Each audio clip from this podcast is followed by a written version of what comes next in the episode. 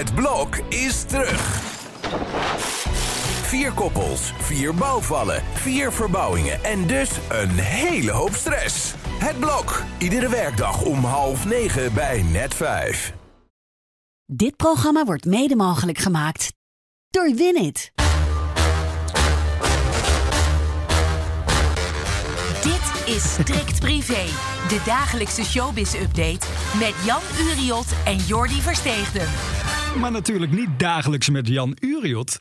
Des te blijer ben ik dat jij er bent vandaag. Ja, ja, ja, ja, ja, ja, ja, ja. Wat, Niet zit je nou, hè? wat is dit nou? Niet slijmen. Hoezo? Nou ja, Evert Zantegoed stuurt net een foto vanaf zijn strandbedje. Die, zit- Oh. die ligt daar lekker naar de sterren te kijken. Wel verdiend. De komende twee weken zit jij hier eh, met mij. En het is altijd zo, als Evert op vakantie gaat... dan laat hij het showbiz-landschap echt achter. Nou ja, het is gewoon één grote rommel, kunnen we wel zeggen. Zullen we even de kop van het AD erbij pakken van gisteren? Die schrijven namelijk... en collega's spreken over wangedrag WNL-baas. Na al die jaren nog steeds bang voor die man. Die man is Bert Huisjes. Ja, Voor de mensen die hem niet kennen, Jan. Een oud collega ook van ons. van ons. Ja. Ja. Vriend van mij. Is dat zo? Jazeker. En na dit artikel nog steeds? Nog steeds. Oké, Ja. kom er maar in. Wat vond je ervan? Van het artikel. Ja, Ja. Ik, ik, ik sta toch altijd weer verbaasd dat dingen pas jaren later naar buiten komen. Mhm. En dat is nu ook gebeurd. Ja. Ik heb er eh, vier jaar bij WNL gewerkt in het ochtendprogramma Goedemorgen Nederland. Mhm. En ik heb met eh, zeven presentatrices gewerkt. Waaronder inderdaad Eva Jinek, Merel Westrik, Leonie de Braak, Viviane van Assem en Roos Mongré. En zij, enkele hiervan, die hebben zich ook gemeld bij het AD. Met naam en toenaam Ja. om in het artikel mee te werken. Ja, kijk, ik heb vier jaar daar gewerkt. En ik heb, zoals Mark Marie, die heeft bij De Wereld Draait Door...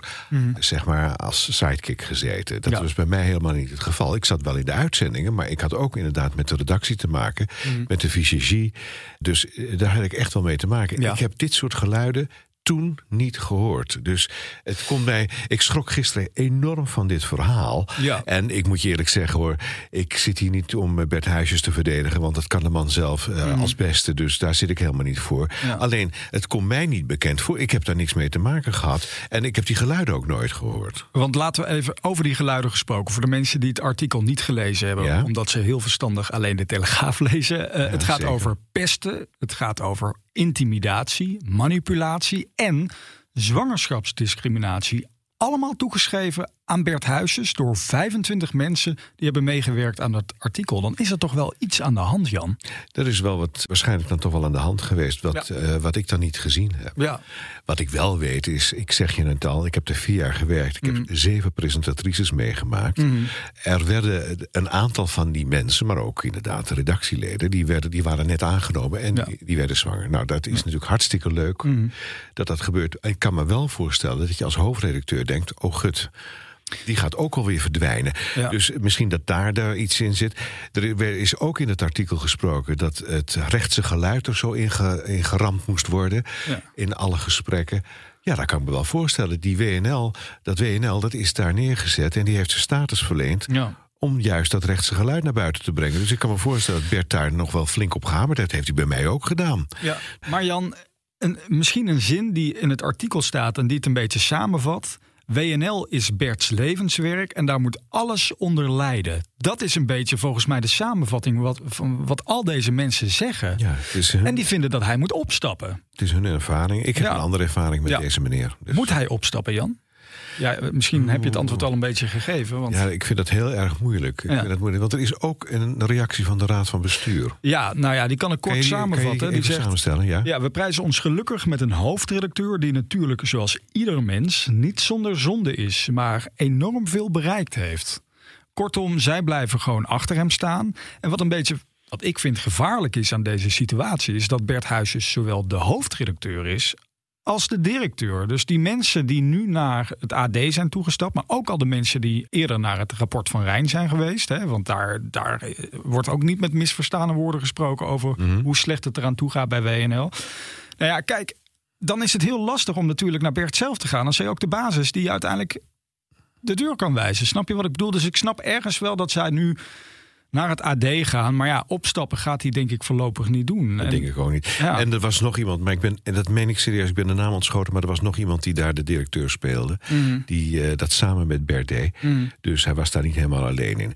Nogmaals, ik herken dit niet. Nee. En als andere mensen daar andere ervaring mee hebben, dan is dat inderdaad heel triest dat het wel gebeurd is. Heb je hem nog gesproken, Jan, vandaag? Nee, we hebben wel met elkaar geappt. En wat zei hij? Wat hij zei, dat hou ik even voor mezelf. Oké. Zullen we naar een andere kop van Jut gaan? Heb je er nog, heb je er nog We gaan het over jou hebben. Nee, we gaan het over Euskan uh, Akjol hebben. Ik heb elke keer weer moeite met die naam uitspreken. Dat Nou, zeg gewoon dan Eus. Eus mag ook inderdaad. ja. Heb jij die beelden inmiddels gezien die deze week rond zijn? Nee, ik heb ze niet gezien. Ik hoef ze ook helemaal niet te zien. Want dat denk ik, het is eigenlijk weer hetzelfde wat we net over hadden met Bert. Huisjes. In elk bedrijf wordt wel eens een stem verheft. En ik ik bedoel, het lijkt of nu alleen maar in de media dit gebeurt. Dat is niet waar. In ons bedrijf, de Telegraaf, heb ik het ook wel eens meegemaakt. Dat- Vanochtend nog deed je dat bij mij. ja, en terecht. en terecht. Nee, maar dus ja, en, en dan Eus inderdaad. Dan denk ik van, jongen, jongen, jongen. Ja. Het is natuurlijk, hij doet eh, de geknipte gast, maar het Mm. is eigenlijk zelf een verknipte gast aan het worden met dit soort eh, dingen natuurlijk. hè. Nou Jan, kijk, ik had hem gisteren aan de lijn. Eh, we hebben het gisteren in deze podcast ook gehad over die, die hele rel hè, rondom dat filmpje. Nou ja, goed. Eus die zegt in ieder geval, wie is hier nu de matenaaier? Omdat hij zich heel erg genaaid voelt door Matthijs van Nieuwkerk, die bij hem als goede vriend veel informatie heeft achtergehouden. En hij moet nu lezen in dat NPO-rapport, maar ook horen van mensen die bij de Wereld Draait Door hebben gewerkt. Ja, dat het er gewoon echt verschrikkelijk aan toe ging. Erger als dat Matthijs hem heeft doen ja, voorkomen. Dus ik snap ergens wel dat hij gefrustreerd is. Goed, had hij verder nog wat te melden? Ik denk dat we ermee op moeten houden. Het is klaar. Ja, anders gaan we dus nog week vijf in met het filmpje. Nee, dat Nu gaan we niet doen. Nu weten we het wel. En met Gordon, ben je daar al klaar mee? ben ik natuurlijk ook klaar mee. Waar ik vooral mee klaar ben, dat is natuurlijk dat steeds dat gezeur over dat hij met, met Gerard weer iets moet gaan doen. Dan denk ik, toen was het leuk. Ja. Het wordt nooit meer zo leuk. Het was ook een hele andere levensfase waar die mannen in zaten. En alle grappen die ze konden maken, die zijn in die uitzendingen wel gemaakt, zo'n beetje. En dan denk ik ook van, daar moeten we ook over ophouden. Het zit er niet meer in. Ze moeten het ook niet meer doen. Want het geeft alleen maar schade aan, aan, aan beide dan. Nou ja, eh, sterker nog, Gerard Joling die vertelde gisteren op Radio 538 dat hij de naam van Piep, moet ik dan inmiddels zeggen, ook niet meer wil uitspreken. Je weet over wie ik het nu heb. dat, hè, gaat, dat vind ik dan weer zo'n aanstellerij. Maar, maar, eh, ja, waarom zou je dat niet doen? En hij eh, zou gisteren bij VI aanschrijven. Had ik geopperd natuurlijk. Gordon. Maar hij is uiteindelijk toch niet gekomen. Ja, het is allemaal door jou gekomen. Ja. Jij hebt dat even neergelegd bij VI. Ja, En eh, uiteindelijk is het niet. Maar misschien gaat het nog gebeuren. Misschien, maar er, was, er waren allemaal eisen. Er moest een orkest bij. Er moest 6000 euro overgemaakt worden. ja, lijkt op jouw eisenpakket. Zullen we door met het Ik heb niet eens Songfestival? koffie gehad hier, oh.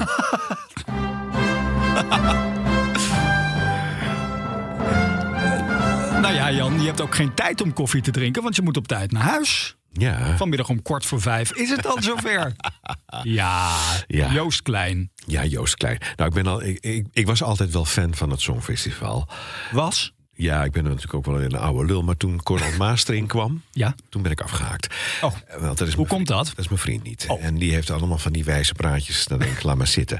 Eh, ja, het Songfestival. eh, Joost Klein, ja, het liedje moeten we even afwachten. We gaan er morgen uiteraard... Of nee, we- nou, morgen. Nee, morgen zijn we er nog. Oh, morgen zijn we het ook weer.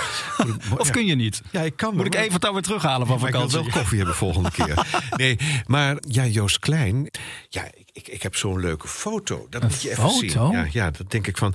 Er is altijd veel bij die, bij die achterban zeg maar, van het Songfestival. Is er veel te doen over de Songfestivaljurk. Ja? En misschien komt hij hiermee terug. Dit is een foto van Bert Huis. Oh nee, dit is Joost Klein. Wat is dit nou? Dit is een Schotse rok die Mike de Boer ook altijd aan heeft. Juist. Misschien komt de Songfestivaljurk weer terug. dat, is wel zou goed toch, nieuws. dat zou toch leuk zijn. Jan, zal ik jou alvast iets laten horen wat ik heb opgespoord op het internet? Ja. En wat mogelijk terug gaat komen in het liedje van Joost. Moet je Laat even luisteren.